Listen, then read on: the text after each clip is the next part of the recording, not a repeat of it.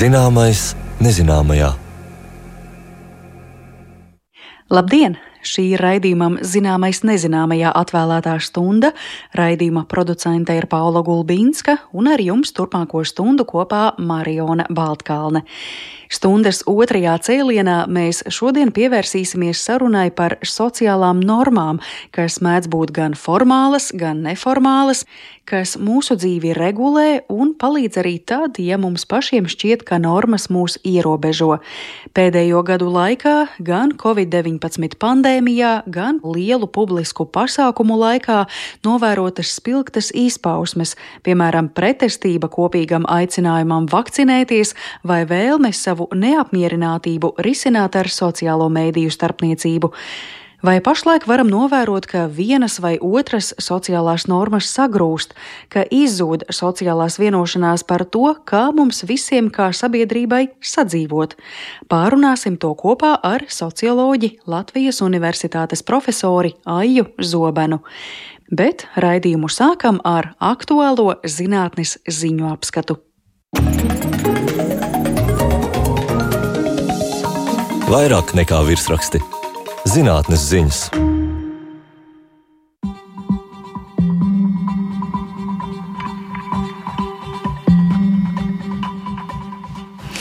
Zinu, ka kolēģis Paulas Gulbīnskas vācelītē ir stāsti gan par eh, dzīvo dabu un eh, čūskām, gan arī, protams, par mums pašiem cilvēkiem, par eh, socioloģiskiem tematiem, par ko arī mums šodien lielā saruna raidījumā otrajā pusstundā. Paula, ļaušu tev plašāk izklāstīt, kas ir interesants pavērties tavam skatam. Sveika! Jā, labrīt, Mariona, labrīt, klausītāji! Eh, šodien vairāk par virsrakstiem iepazīsim eh, cilvēka uzvedības pētījumus kriminoloģijā, tematu, kas, kā jau tu teici, lielā mērā sasaucas ar tavu šīs dienas sarunu raidījumā. Tāpat uzzināsim vēl nedzirdētus faktus par čūskām, bet eh, sāksim ar ziņu par aktuālo. Meklēsim atbildi uz jautājumu, ko šogad iespējams uzdot daudzi. Kā radusies tradīcija katru ceturto gadu padarīt par vienu dienu garāku?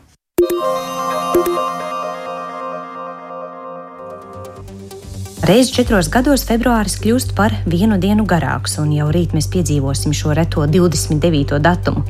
Tradīcija pagarināt katru ceturto gadu par vienu dienu ir sena, un iemesls slēpjas tajā, ka dabā patiesībā nekas nav pilnīgi perfekts. Arī Zemes rotācija tāda nav. Mēs zinām, ka no brīža, kad saule uzlic, noriet un no jauna uzlic horizontā, paiet mums visiem labi pazīstamās 24 stundas, kuru vienmēr ir par maz, jeb 86,400 sekundes.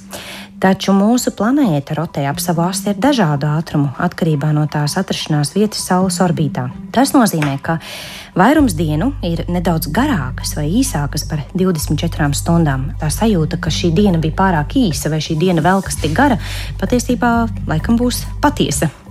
Protams, mēs to nejūtam, taču mēs to sāktu izjust, ja laikus nepamanītu šīs izmaiņas un nepielāgotu savu kalendāru tam. Tas pats attiecas uz gadu. Viens gads ir 365,2422 dienas garš. Tā kā Zemes rotācija un orbīta nesakrīt, mums veidojas šī astītais komata. Četru gadu laikā šī astīte jau ir sasniegusi 0,9688 daļu no dienas, ja praktiski vienu pilnu dienu. Un tā tad ir šis 29. februāris. Te gan jāpiebilst, ka 0,9688 daļa no dienas nav viena vesela diena. Aizvien iztrūkst 0,0312 daļa no dienas, kas reizi četros gados eh, sasumētos 45 minūtēs. Nu, tas jau ir ievērojams laiks. Te tālāk nāk visai sarežģīts gregoriskā kalendāra aprēķins, kā rezultātā ne katrs ceturtais gads nes mums vienu dienu klāt februārī. Piemēram, 20. gadsimta mijā garais gads gads nebija septiņus gadus pēc kārtas. Nu, protams, ikdienas dzīvē arī tas mums lielas izmaiņas nerada. Ja nu vienīgi tiem cilvēkiem, kuri šajā dienā svin savu dzimšanas dienu, tad nu vēlēšu daudz laimes un lai četrkārtīgi, lustīga, skaista šī datuma svinēšana. Jā, es zinu, ka ir pat cilvēki, kuri reizēm joka pēc skaita, cik viņi veci būtu, ja skaitītu tiešām visus tos gadus kuros viņiem ir oficiāli bijusi dzimšanas diena, 29. februāris. Nu, tad varbūt kāds, kuram ir 20 plus vai 30 plus, eh, patiesībā saka, man ir 12 gadu. Jā, varbūt atslēga uz mūžību jaunības eh, slēpjas eh, faktā, ka jāpiedzimst 29. februārī. Bet vēl 29. februāris šķiet ir diena, kuru atzīmē kā reto slimību dienu. Varbūt arī tāpēc šis datums ir izvēlēts atzīmēšanai šādai dienai, jo tas datums pats par sevi ir rets ja reiz mēs runājam par retumiem un neparasto un īpašo dabā, tad tās noteikti ir čūskas, un izrādās tās nebūtu nav retas. Tieši otrādi to skaits krietni sāk pieaugt. Šajā nedēļā čūskas rotājas uz žurnāla Science vāka un ir piesaistījušas uzmanību ar kādu jaunu pētījumu. Mičiganas Universitātē atklāts, ka čūsku sugas attīstās ārkārtīgi straujā tempā. Šobrīd pasaulē ir zināmas ap 4000 eksistējošu čūsku sugu, un tā ir astotā daļa no visas sauszemes mugurkaulnieku daudzveidības. Čūskas spēj apdzīvot visdažādākās dzīvotnes, tās dzīvo visdaudzveidīgākajos apstākļos, un tām ir ļoti bagātīgs tāds izdzīvošanas stratēģiju arsenāls. Mēs zinām, ka čūskas var rāpties kokos, mēs zinām, ka tās var rakties zemē, peldēt un pat pacelties gaisā, ko dažkārt dēvē par lidojošām čūskām. Zinātnieki līdz šim nav spējuši izskaidrot uh, šo čūsku fenomenālo daudzveidību un to, kādi tad priekšnoteikumi ir ļāvuši tām izvirzīties citu rāpuļu priekšā. Tad no Mičiganas Universitātes pētnieki ar ģenētiskās sekvenēšanas palīdzību analizēja aptuveni 8000 rāpuļu sugu, iegūstot ļoti detalizētu priekšstatu par to, kā ir veidojusies čūsku un ķirzaku evolūcija. Un šī karte uzrādīja, ka čūskas attīstās jaunās ekoloģiskās nišās trīs reizes ātrāk nekā citi rāpuļi. Un vairums no šī evolūcijas izrāviena ir noticis pēdējo simts miljonu gadu laikā. Protams, cilvēka dzīvē tas liekas milzīgs cipars, evolūcijā tas ir brīdis. Kas tam par iemeslu? Nu, šis ir nezināmais nezināmajā, jo pētnieki pagaidām nav atklājuši iemeslu, kāpēc čūskām tik labi izdodas vairoties un attīstīties. Nesen pat ziņās lasījām par Amazonē atrastu jaunu anakondas sugas atradumu. Čūska, kas svēra tuvu 500 kg un bija 7,5 metrus gara. Nu, tātad pasaulē ir daudz šādu neiepazītu čūsku sugu. Un, nu, tad jautājums, jā, kas tad čūskās ir tik īpašs? Pētnieki ir novērojuši, ka ļoti daudzām ķirzakām ir līdzīgas pazīmes čūskām. Tās ir bez kājām, tās var būt garas, tās var būt indīgas, ar īpaši elastīgu žokli, kā tas ir čūskai. Pētnieki pat ir analizējuši, ko čūskas ēd, varbūt tajā ir kas īpašs.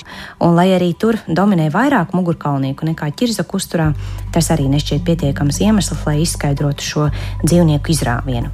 Nu, iegūtie dati un milzīgā čūsku genoma kolekcija, ko ir apkopojuši pētnieki, nākotnē noteikti palīdzēs meklēt skaidrojumu šai mistērijai. Tikmēr biologi teica, ka mūsu zināšanas par apkārtējo pasauli aizvien ir tik nabadzīgas, ka bail iedomāties, cik pārdomātas ir vidas un sugu aizsardzības politikas.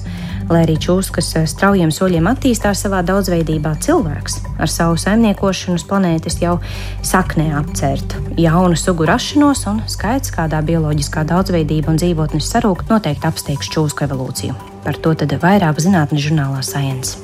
Domājot par latviešu čūskām, man kā tāda atbilde šim jautājumam, kāpēc čūskas tā labi spēja vairoties, varbūt būtu tas, ka ir dažādi veidi, kā tās to var izdarīt. Nu, piemēram, zelkšķi dēļ olas, bet uh, odzēm šīs olas attīstās ķermenī, un odzes jau dzemdē dzīvus mazuļus. Tātad mums ir dažādi varianti, kā mēs to varam izdarīt, bet tas šķiet joprojām neatbild uz jautājumu, kāpēc čūskas var tik labi izdzīvot. Tad varbūt tiešām tā atbilde ir tajā genoma plastiskumā, kur ģenētiķiem jāmeklē atbildes. Tieši tā.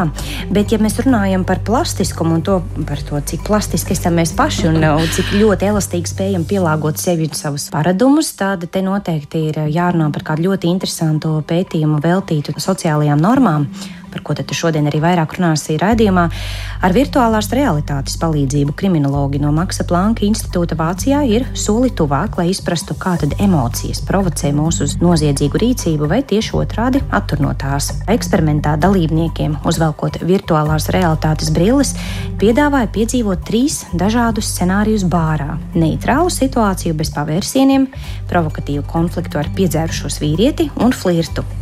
Eksperimentā piedalījās simts jaunu vīriešu. Vērojot filmu, iekārta mērīja dalībnieku emocionālo pašsajūtu, tostarp arī sirds ritmu. Rezultātā visi piedzīvotie scenāriji izraisīja precīzi tādas emocijas un to reakcijas, kā pētnieki bija gaidījuši - agresiju un uzbudinātību. Jautājums, kā eksperimenta dalībnieki šajās emocijās rīkotos? Lai to noskaidrotu, šajās sakāpinātajās emocijās virtuālajā realitātē novēroja gan sveša vīrieša seksuālu uzmākšanos sievietei pie bāra, gan arī provokatīvu scenāriju ar aicinājumu uz kautiņu. Un tad dalībniekiem bija jāatbild uz jautājumiem, kā tu rīkotos, kādas ir iespējas tikt aizturētam, kādi būtu ieguvumi vai riski, ja dalībnieks mestos kautiņā vai steigtos aizstāvēt apdraudēto sievieti. Nu, izvēles iespējas.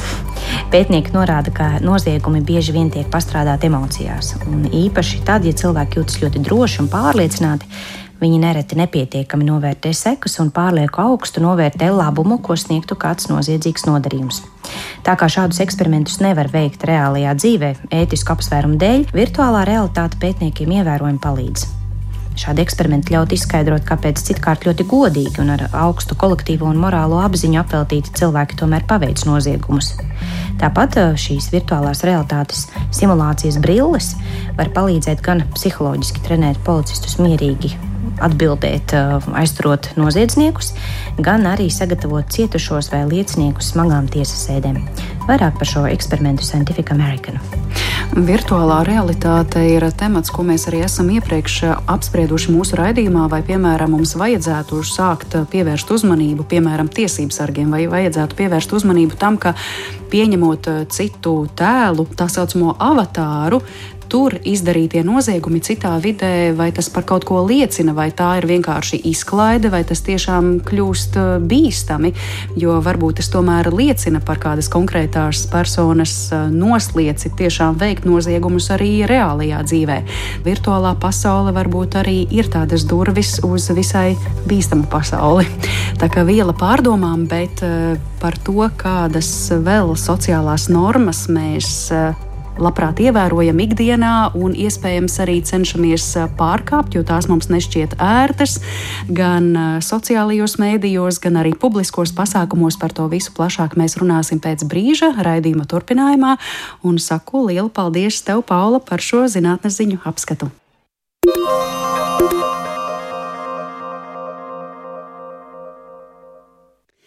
Laiki mainās, mainās arī paradumi, kā uzvesties publiskajā telpā. Sociālās normas, kas reiz vadīja mūsu dzīvi, dažkārt vairs nav aktuālas. Skatītāji nejūt kaunu koncertā māksliniekiem metot ar priekšmetiem, bet dziesmu svētkos prieku aizēno strīdi par to, kas ir un kas nav pienācīga uzvedība šādā pasākumā. Vai sabiedriskās normas piedzīvo norietu, vai vietā nāks haoss, un kā sociālie mēdīji ir mainījuši ierastās uzvedības normas? Par šiem jautājumiem mēs šodien uz sarunu esam aicinājuši socioloģi, Latvijas Universitātes profesori, Sociālo zinātņu fakultātes Sociālo un politisko pētījumu institūta direktori Aiju Zobenu. Labdien! Labdien! Jāsaka, Covid-19 pandēmija bija tas laiks, kad mēs paši, politiķi, mediķi, daudz runāja par to, ka vakcinēšanās, testu veikšana, tāpat arī stingrāku higiēnas pasākumu ievērošana ir vajadzīga kopīga labuma vārdā. Tātad, lai nesaslimtu liela sabiedrības daļa, un ka šeit gluži nederēs tāds variants, ko gribu, to daru. Ja? Bet, nu, grūti mums ar to gāja. Latvija, protams, nebija vienīgā valsts arī citur gāja grūti. Vai mēs varam teikt, ka šobrīd pakāpeniski sabrūk kādas nerakstītas sociālās vienošanās par to, ko mēs katrs kā indivīds darām vai nedarām, par to, kā mēs pārējām pretim kopēja labuma vārdā un atsakāmies no kaut kā savu personīgo tiesību un vēlmju dēļ. Proti, vai jūs to novērojat pati, un vai arī šobrīd sociologi par to aizvien vairāk runā? Nu, es ceru, ka tas tā nav, ka tā aina, ko jūs iezīmējāt, nav gluži tāda. Ja? Un, ja mēs skatāmies kā sociologi, ja, tad socioloģija ir salīdzinoši jauna zinātne un izpratne par to, kādas ir individu un sabiedrības attiecības. Ja? Tas patiesībā ir viens no galvenajiem jautājumiem socioloģijā. Kas ir sabiedrība, kā tā turās kopā, kas ir cilvēks kā sociāla būtne. Nu, un, protams, tad sākas tā sarežģītākā daļa, kā mēs izzinām to sabiedrību, kā tās zināšanas mūs ietekmē, ja? un tā tālāk. Socioloģijas, teiksim, tas viens no tādiem fundamentāliem jautājumiem, ja, kā jau teicu, ir attiecības starp individu un sabiedrību. Kas ir pirmais? Un, ja mēs skatāmies uz teiksim, šo izpratni par to, kādas ir individu un sabiedrības attiecības pirms socioloģijas tapšanas, nu, socioloģija kā zinātne ir veidojusies 19. gadsimta 30., 40., 50. gados, tās fundamentālās teorijas jau uz to laiku ir attiecināmas. Bet pirms tam bija šis franču buržāskās revolūcijas laikmets, kas nāca ar nu, faktiski apgaismības idejās balstītiem saukļiem par to, ka cilvēks ir vērtība, individualitāte ir ļoti svarīga un tā tālāk. Un, jā, brīvība, brālība, vienlīdzība, jā, un visi mēs esam pelnījuši, jā, un tātad sagrausim lūk visu to iekārtu. Nu, faktiski vērsīsimies pret tām normām, kas mūs apspiež. Bet, ja mēs paskatāmies vēl tālāk, jā, jauno laiku filozofijas idejās, tad tas ir 17. gadsimts, kad Tomas Hops uzrakstīja savu slaveno darbu Levietāns par to, ka lūk, cilvēkiem ir vajadzīga savā starpā kaut kāda vienošanās, lai izbeigtu to haotisko pirmotnējo stāvokli, kurā valda visu karš pret visiem.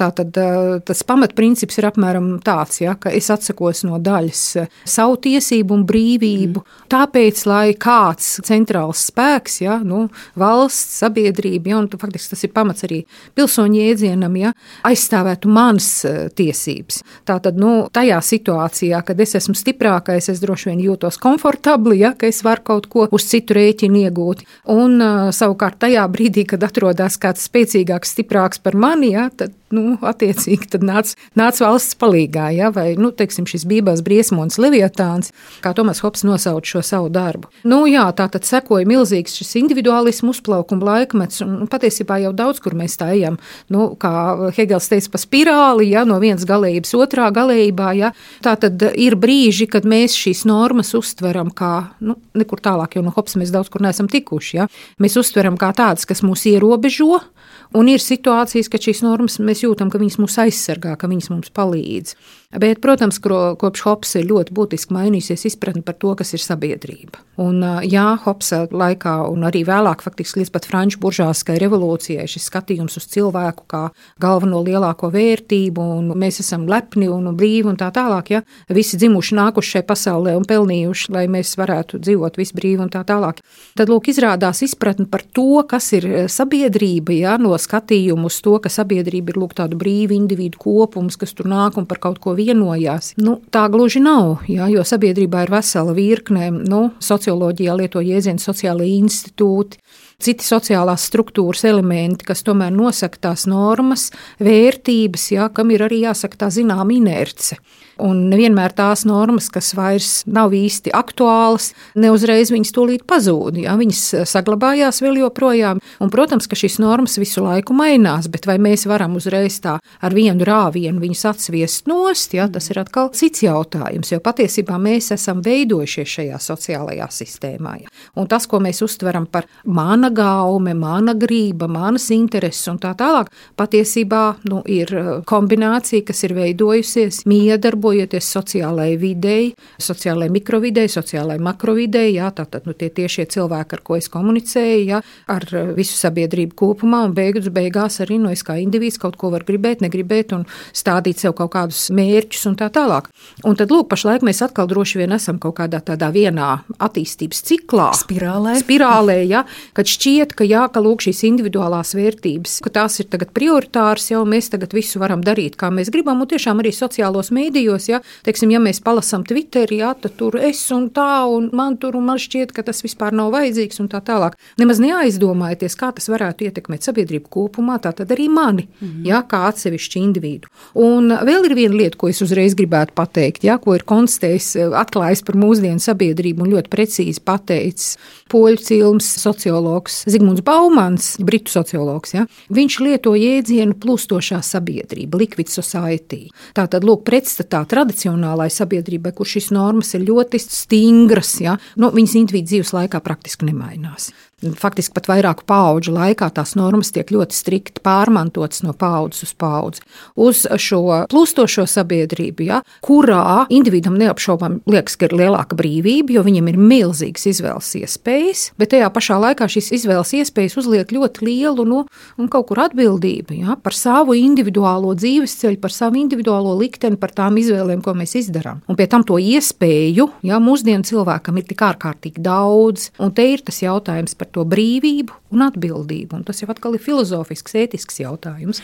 Nu, Nevelti saka, ka dažkārt demokrātija ir ļoti sarežģīta sabiedrības iekārta, jo tev ir jāuzņemas kā individam tāda atbildība pašam par savu dzīvi. Tev neviens nepateiks priekšā, ko tev darīt tad eh, es saprotu un arī secinu no jūsu teiktā, ka, protams, tādas sabiedrības paradumu maiņas jau ir bijušas vienmēr, un droši vien mēs ik pa gadiem, ik pa desmitgadēm eh, redzam kādus jaunus paradumus un tendences.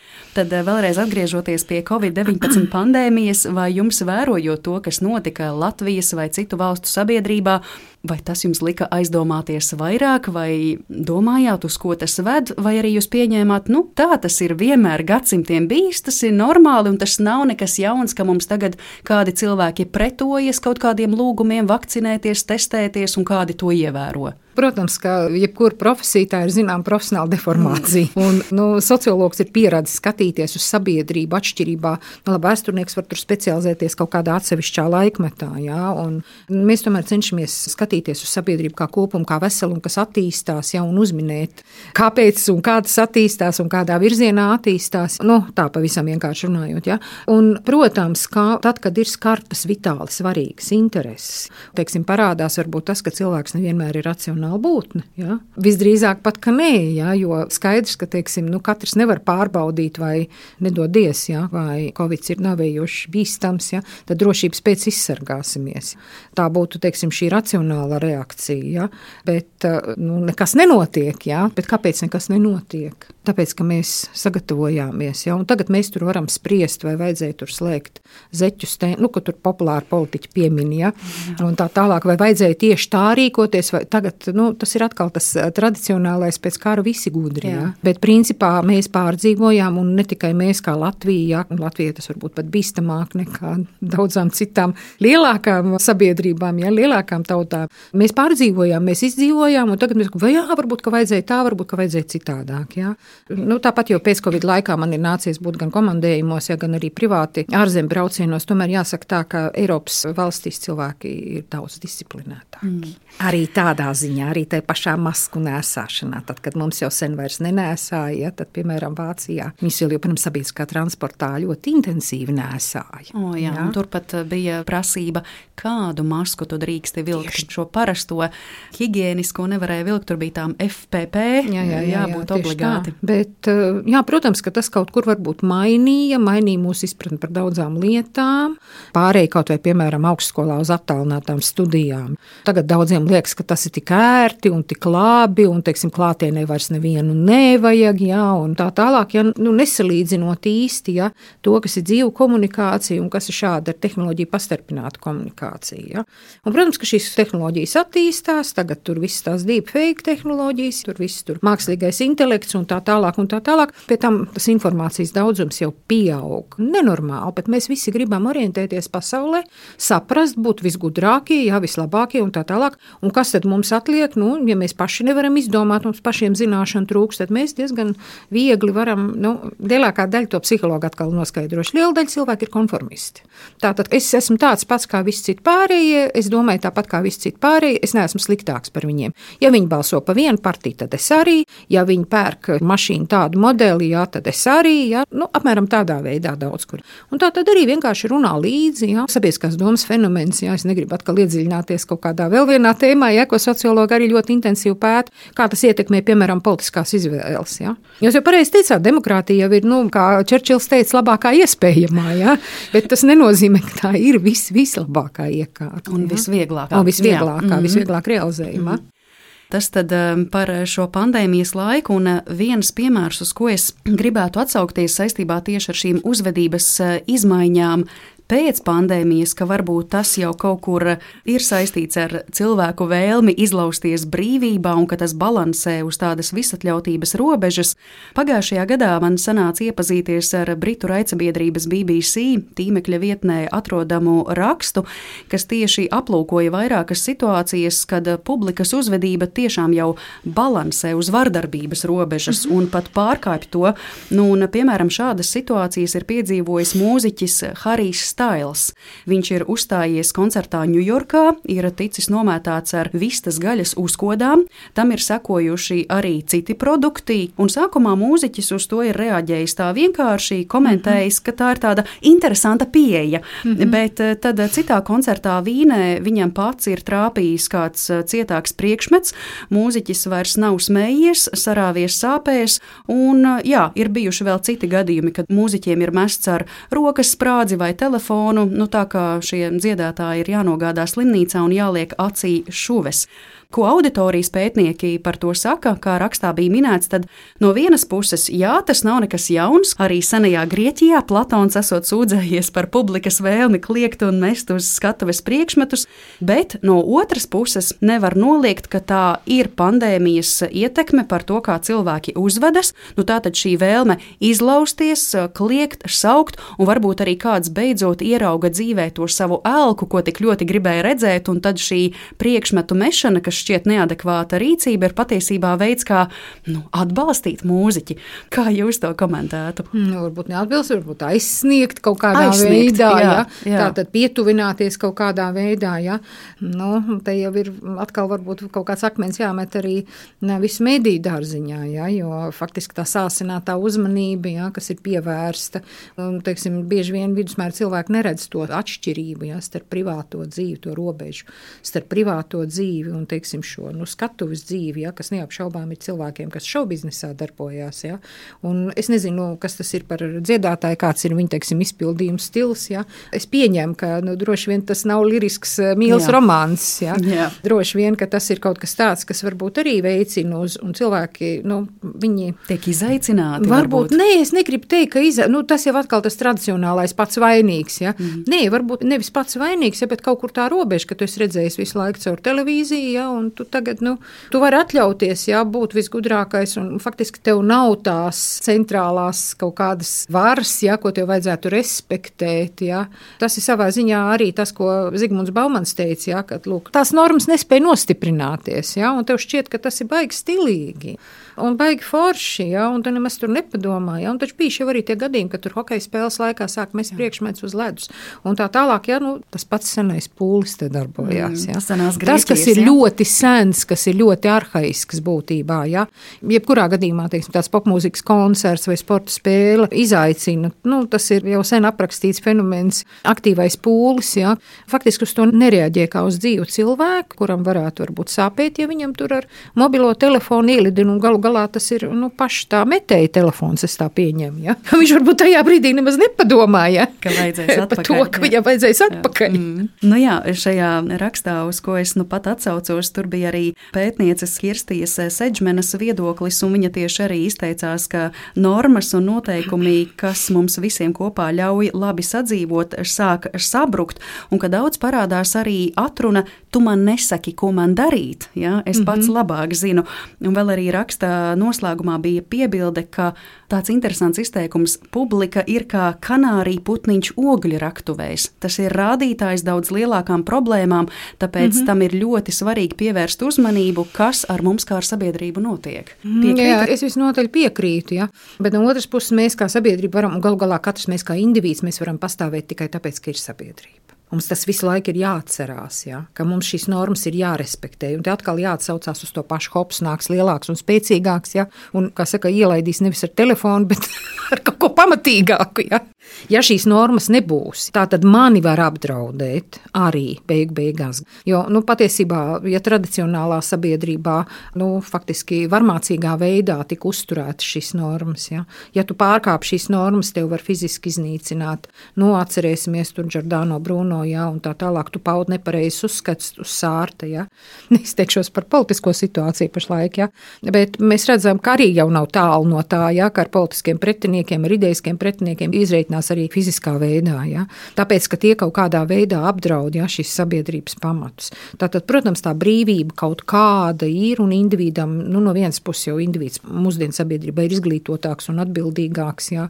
Viņam vismaz būtu tādam, ja, bet ne viss tādi ir. Ne viss tādi ir. Mēs esam tagad tik daudzveidīgi, tik dažādi, ka mēs daudz kur netiekam galā. Tāpēc, ka nu, mēs dzīvojam tik straujas attīstības laikmetā, tradicionālā sabiedrībā, un pat vēl netik sen, ja vēl gadsimts atpakaļ, ja, kā vecāki mācīja, ja tā bērni sekoja vairāk vai mazāk. Nu, pēc tam sacēlās, protams, un tā tālāk, bet tas kaut kur kaut kādā veidā palika. Ja. Bet uh, mūsdienu kaut vai tehnoloģija attīstība parādījusi, ka vecāku zināšanas vairs mūsdienās galīgi nedara. Nu, vecmā viņi nemāk lietot vietu telefonu, ja viņi galīgi glupa. Ja. Saistībā ar šo es arī gribēju jautāt, eh, tas mūsu laikmets, tomēr vai tas arī daudz ko neietekmē tajā mūsu rīcībā un domāšanā, jo pirmīt, jā, mēs runājām jaunajos laikos, revolūcijas laikā jau tāpat bija sabiedrībā vētras, bet vai pašreizējā, tajā saucamajā postmodernajā laikmetā mēs arī nejūtam to kaut kā vēl vairāk, vēl īpašāk, ka lūk, cilvēkiem zūd autoritāte, kas tad ir vecāki, kas ir skolotājs, ja zūd šī piederība kolektīvam un ir visu laiku sajūta, ka mani kāds grib kontrolēt, un tāpēc es pretošos tam. Ja mēs klasiski runājam par postmodernitāti, tad uh, faktiski Zigmunds Baumans nekad nelieto šo jēdzienu postmodernitāti. Un viņš ir 21. gadsimtā jau arī dzīvojis un rakstījis un skaidru prātu saglabājis līdz savu garā mūža nogalē. Ja? Viņš lietoja šo jēdzienu plūstošā modernitāte. Tātad sabiedrība jau ir tā pati tikai sasniegusi varbūt kaut kādu tādu stadiju, ja, kad kaut kādā veidā tas ir jāstur kopā. Tāpēc, ka mēs kā indivīdi nevaram pastāvēt bez sabiedrības. Mums katram jāsāk ar vien vairāk saprast, ka mēs esam ar vien vairāk atbildīgi par tām izvēlēm, ko mēs izdarām.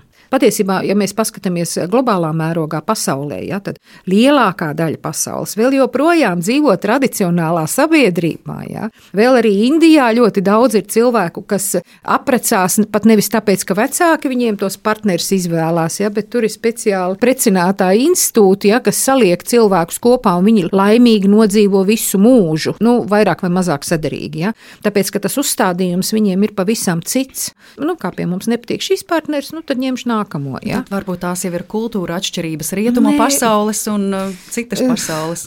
Jā, bet tās ir kultūra atšķirības, tāpēc, ka mēs ejam dažādus ceļus. Es negribu teikt, ka mēs esam kaut kur augstāk un tālāk. Mēs esam gājuši citu attīstības ceļu kaut kādā brīdī, kaut kādā pakāpē. Ja, un, ja mēs paskatāmies, nu vēl joprojām taču Brazīlijas džungļos ir ciltis, kas uh, negrib ne ar vienu kontaktēt, un no civilizācijas viedokļa arī laikam labāk ir arī viņus ļaut viņiem dzīvot un saglabāt jā, to viņu dzīvesveidu veidu un viņu normas un tradīcijas, ja, kas, es pieņemu, nu, ir ļoti strikti regulētas tieši tāpēc, lai varētu izdzīvot.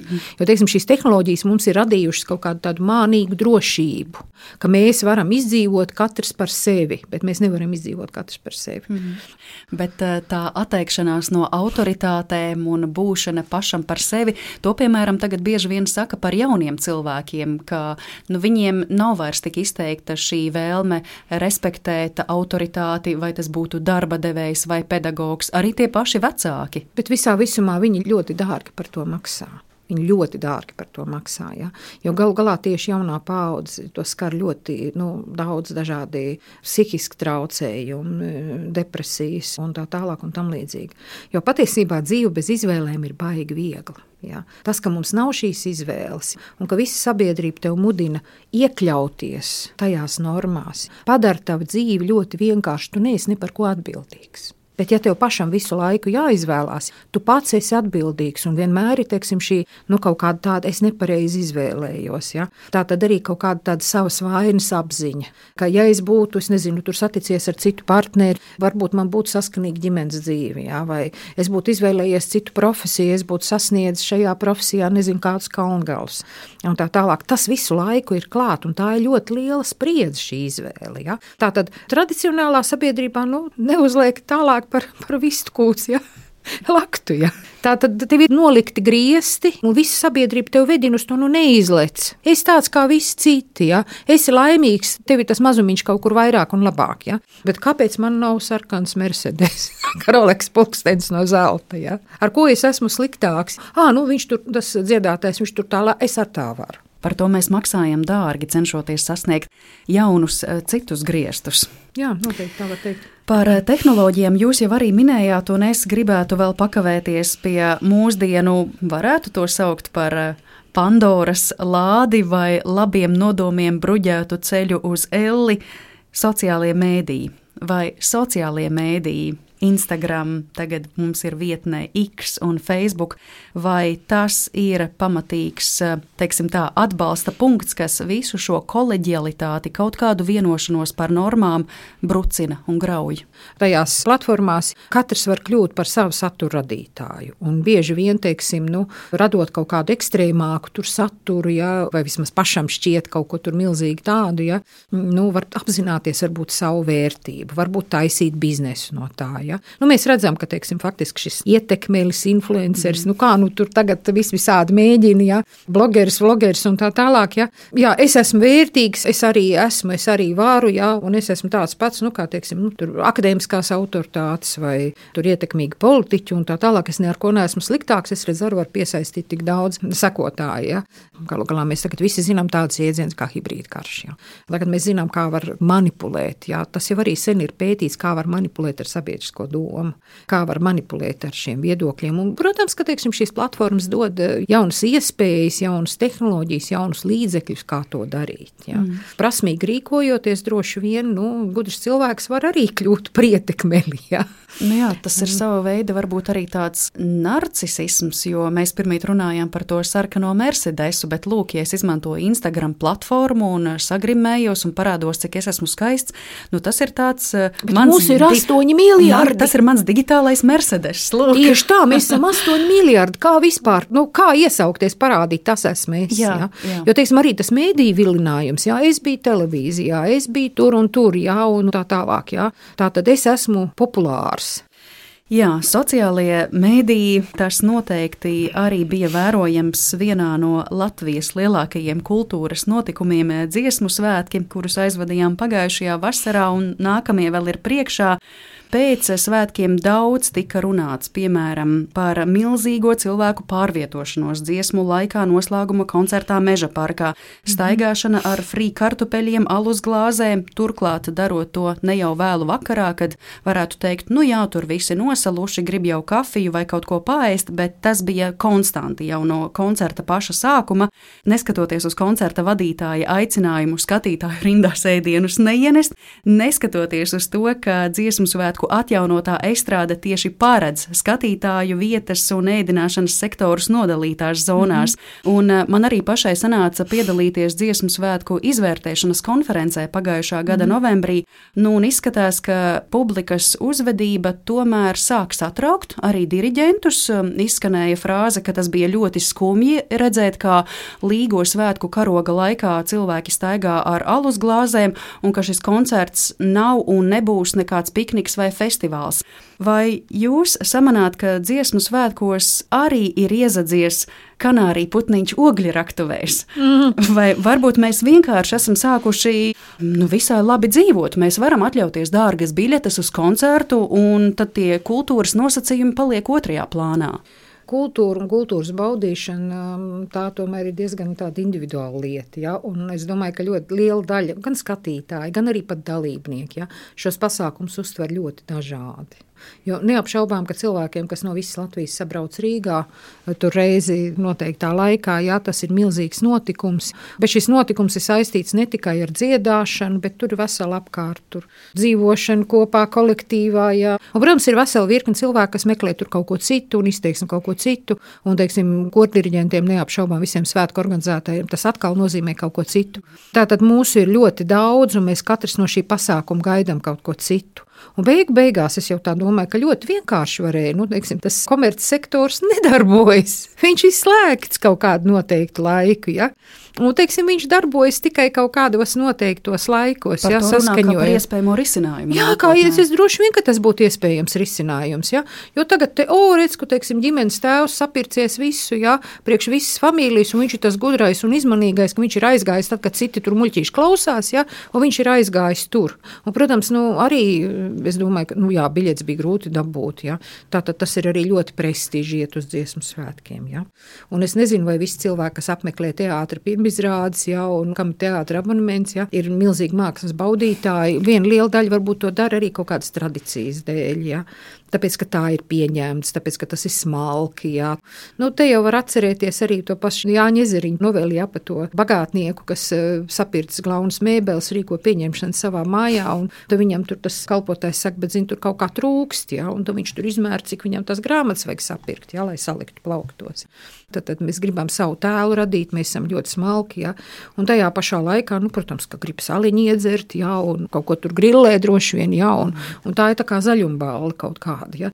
Daudz arī pēc dziesmu svētkiem tika runāts, bet rekā, teiksim, tur Igaunijā, ja, tur ir ģimenes pikniks, katrs izklāja savu sēdziņu, ja, un varbūt ka kaut kur kaut ko tādu arī vajadzētu. Ja. Un tajā pašā laikā šajā konferencē novembrī ierodas Igaunijas pārstāvis, kurš saka, mēs Igaunijā tā jūs latviešus apskaužam, jā, jo jums tie ir svētki, jā, jums tas jā, ir koncerts. Jā. Tas ir kaut kas svinīgs, redz, tā kā varbūt mēs nemaz nenovērtējam to. Mēs, to kā vienmēr, kā parasti. Latiņu. Jā, tieši tā, jā. jā.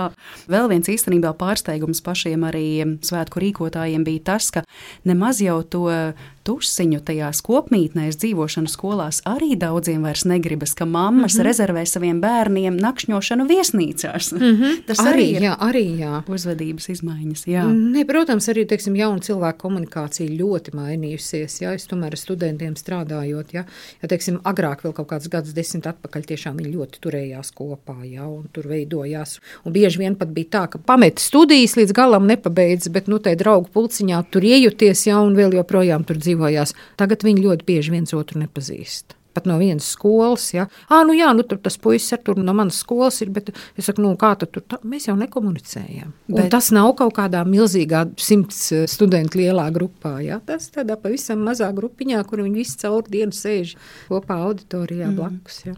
Bet vēl atgriežoties pie tās sociālo mediju lomas, nu, šie svētki arī bija viens tāds piemērs, ka mēs par ļoti daudz ko uzzinām atkal ar sociālo mediju starpniecību. Mm. Tagad vispār mēs arī par karu Ukrainā daudz ko uzzinām ar sociālo Protams. mediju starpniecību. Bet svētku laikā bija jūtams, ka dažkārt varbūt kādas publikācijas visu to atmosfēru mazliet pat saindē. Un tas bija stāsts par gurķiem, sviestmaizēm, ūdens pudelēm. Tas no vienas puses, bet no otras puses varbūt arī sociālajie mēdīji palīdzēja kādas problēmas eh, risināt. Nu, piemēram, publicējot to, ka mums ir jāstāv garās rindās pēc ēdiena, nākamajā dienā šī problēma ir atrisināta, vai, mm -hmm. piemēram, mūsu pašu kolēģis eh, Arnis Krause publicēja ziņu, ka svētku laikā ir viens ukraiņu zēnu kora koncerts, uz kuru cilvēki nav pirkuši biļetes. Mm -hmm. Viņš publicēja, nākamajā dienā koncerts bija izpārdots. Mm -hmm. Vai tomēr tie sociālie mēdīji nu, nāk tā tāds vilnis pāri mūsu ikdienai, kas no vienas puses daudz ko sabojā,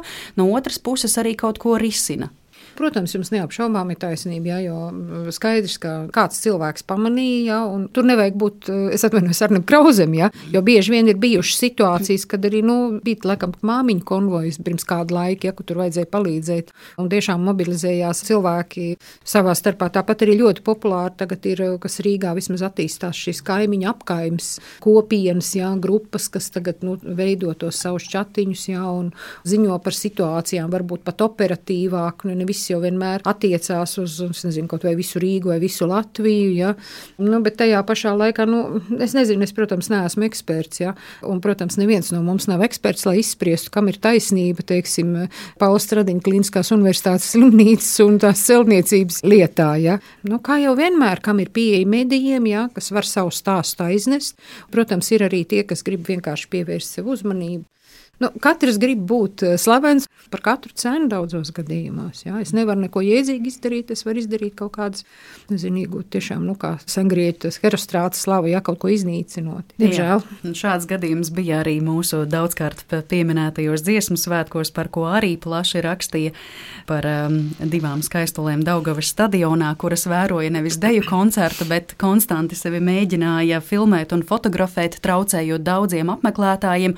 Un pēc neskaitāmiem komentējumiem, lūgumiem, lūdzu apsēsties, nestāvēt un sevi nefotografēt, lūk, parādījās šis izteiciens, ka tu jau nu man nemāci, kā man darīt. Ja es mm -hmm. te mhm. esmu atnācis un es pats zināšu, kā mm -hmm. man darīt, tad lūk, atkal tas eh, individuālisms, vēlme panākt, ka man tomēr ir tas sarkanais Mercedes vismaz ar mm -hmm. Instagram palīdzību. Nu jā, mēs tiešām dzīvojam tajā laikmetā, kad katram gribas papriecāties, parādīt sevi.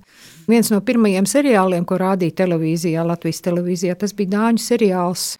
Oriģināla nosaukums ir Matadors. Un tur bija viena tāda epizode, ko es savā laikā studentiem bieži vien stāstīju par to, kā tas, tās sociālās normas izplatās, ka lūk, tur viena ģimene pārdevusi māju, kurai ir divi skursteņi. Un izrādās, ka tam vienam skurstenim apakšā nekā nav principā funkcionāls ir tikai viens skurstenis. Ja? Nu, protams, nezinot, ko, kas un kā, ja, bet, teiksim, palasot, noskaidrojot, ja vēsturiski, ka tās mājas, kurām bija divi skursteņi, tās bija bagātnieku mājas. Ja? Ne, ne katrs varēja atļauties kurināt uz divām pusēm to savu māju. Ja? Tātad ļoti bieži mēs daudz ko darām šo normu, ja, tās āršķirības pēc, lai būtu tādi paši kā visi.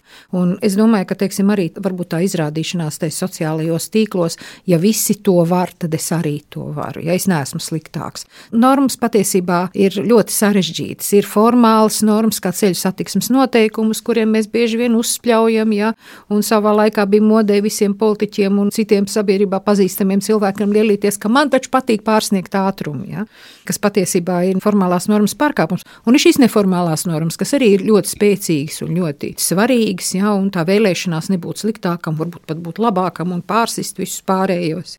Nu, tāda ir cilvēka daba. Bieži vien traucējot citiem traucējot, kad... nepadomājot. Jā. Ja? Kaut gan nu, patiesībā, nu, kā jau teicu, mēs visi esam sabiedrības produkti. Ja? Nu, jā, mēs esam laicīgi, ja? mūsu mušs ir vienreiz sāks un vienreiz beidzas, ja? bet sabiedrība jau, es ceru, ka pastāvēs, un... ja? neaizies bojā kaut kādas muļķības pēc. Un gribas tajā sev noliktajā ierobežotajā laikā izdarīt maksimumu, tad eh, noslēdzot mūsu sarunu, varētu teikt tā, ka tā spirāle turpinās griezties, viss ies uz priekšu un varbūt mainīsies tikai vēsturiskās dekorācijas varbūt eh, mainīsies instrumenti, rīki, kā mēs izceļamies, kā mēs sevi pašapliecinām, bet nekas kardināli nemainīsies. Jā, bet tev atkal var nākt situācijas, kad nāks, nu, kā viens no premjeriem teica, saspiesties ar mugurām kopā, ja, lai izdzīvotu, ja, pieņemt, atteikties, ja kritiskās situācijās. Tātad, nu, tas, ka mēs jūtamies ļoti vareni, tas varbūt liecina, ka tiešām mums šī brīdī ir laba dzīve. Mums ir laba dzīve, neskatoties uz to, ka mēs par to visu laiku sūkstamies. Jā, sabiedrība mūs ir radījusi, jā, un mēs sabiedrības dzīvi uzturam un nesam tālāk. Tā ir mūsu misija. Jā, tas iespējams arī izskaidro vairākas šīs mūsu šodien aprunātās situācijas par uzvedību dažādos publiskos pasākumos, izteicienus, ierakstus, tīklos, mēdījos, jā, iespējams tā atbilde ir viena, ka patiesībā mēs dzīvojam labāk nekā mēs nojaušam. Cerams, ka tas tā arī paliks, bet cerams, ka mūsu kādas vienošanās nesagrūs pavisam, jo, kā mēs arī runājām, tās patiesībā mums tikai palīdz dzīvot un izdzīvot. Es saku jums šodien lielu paldies par šo sarunu, un eh, klausītājiem atgādinu, ka kopā ar mums studijā bija socioloģe, Latvijas Universitātes profesore un Sociālo zinātņu fakultātes Sociālo un politisko pētījumu institūta direktore Aija Zobena. Paldies! Un eh, mūsu raidījums šodien noslēdzas. To veidoja Paula Gulbīnska, Reinis Budze, Girts Bišs un pie mikrofona Mariona Baltkalne. Paldies par klausīšanos un uz sadzirdēšanos atkal drīz. Visu labu!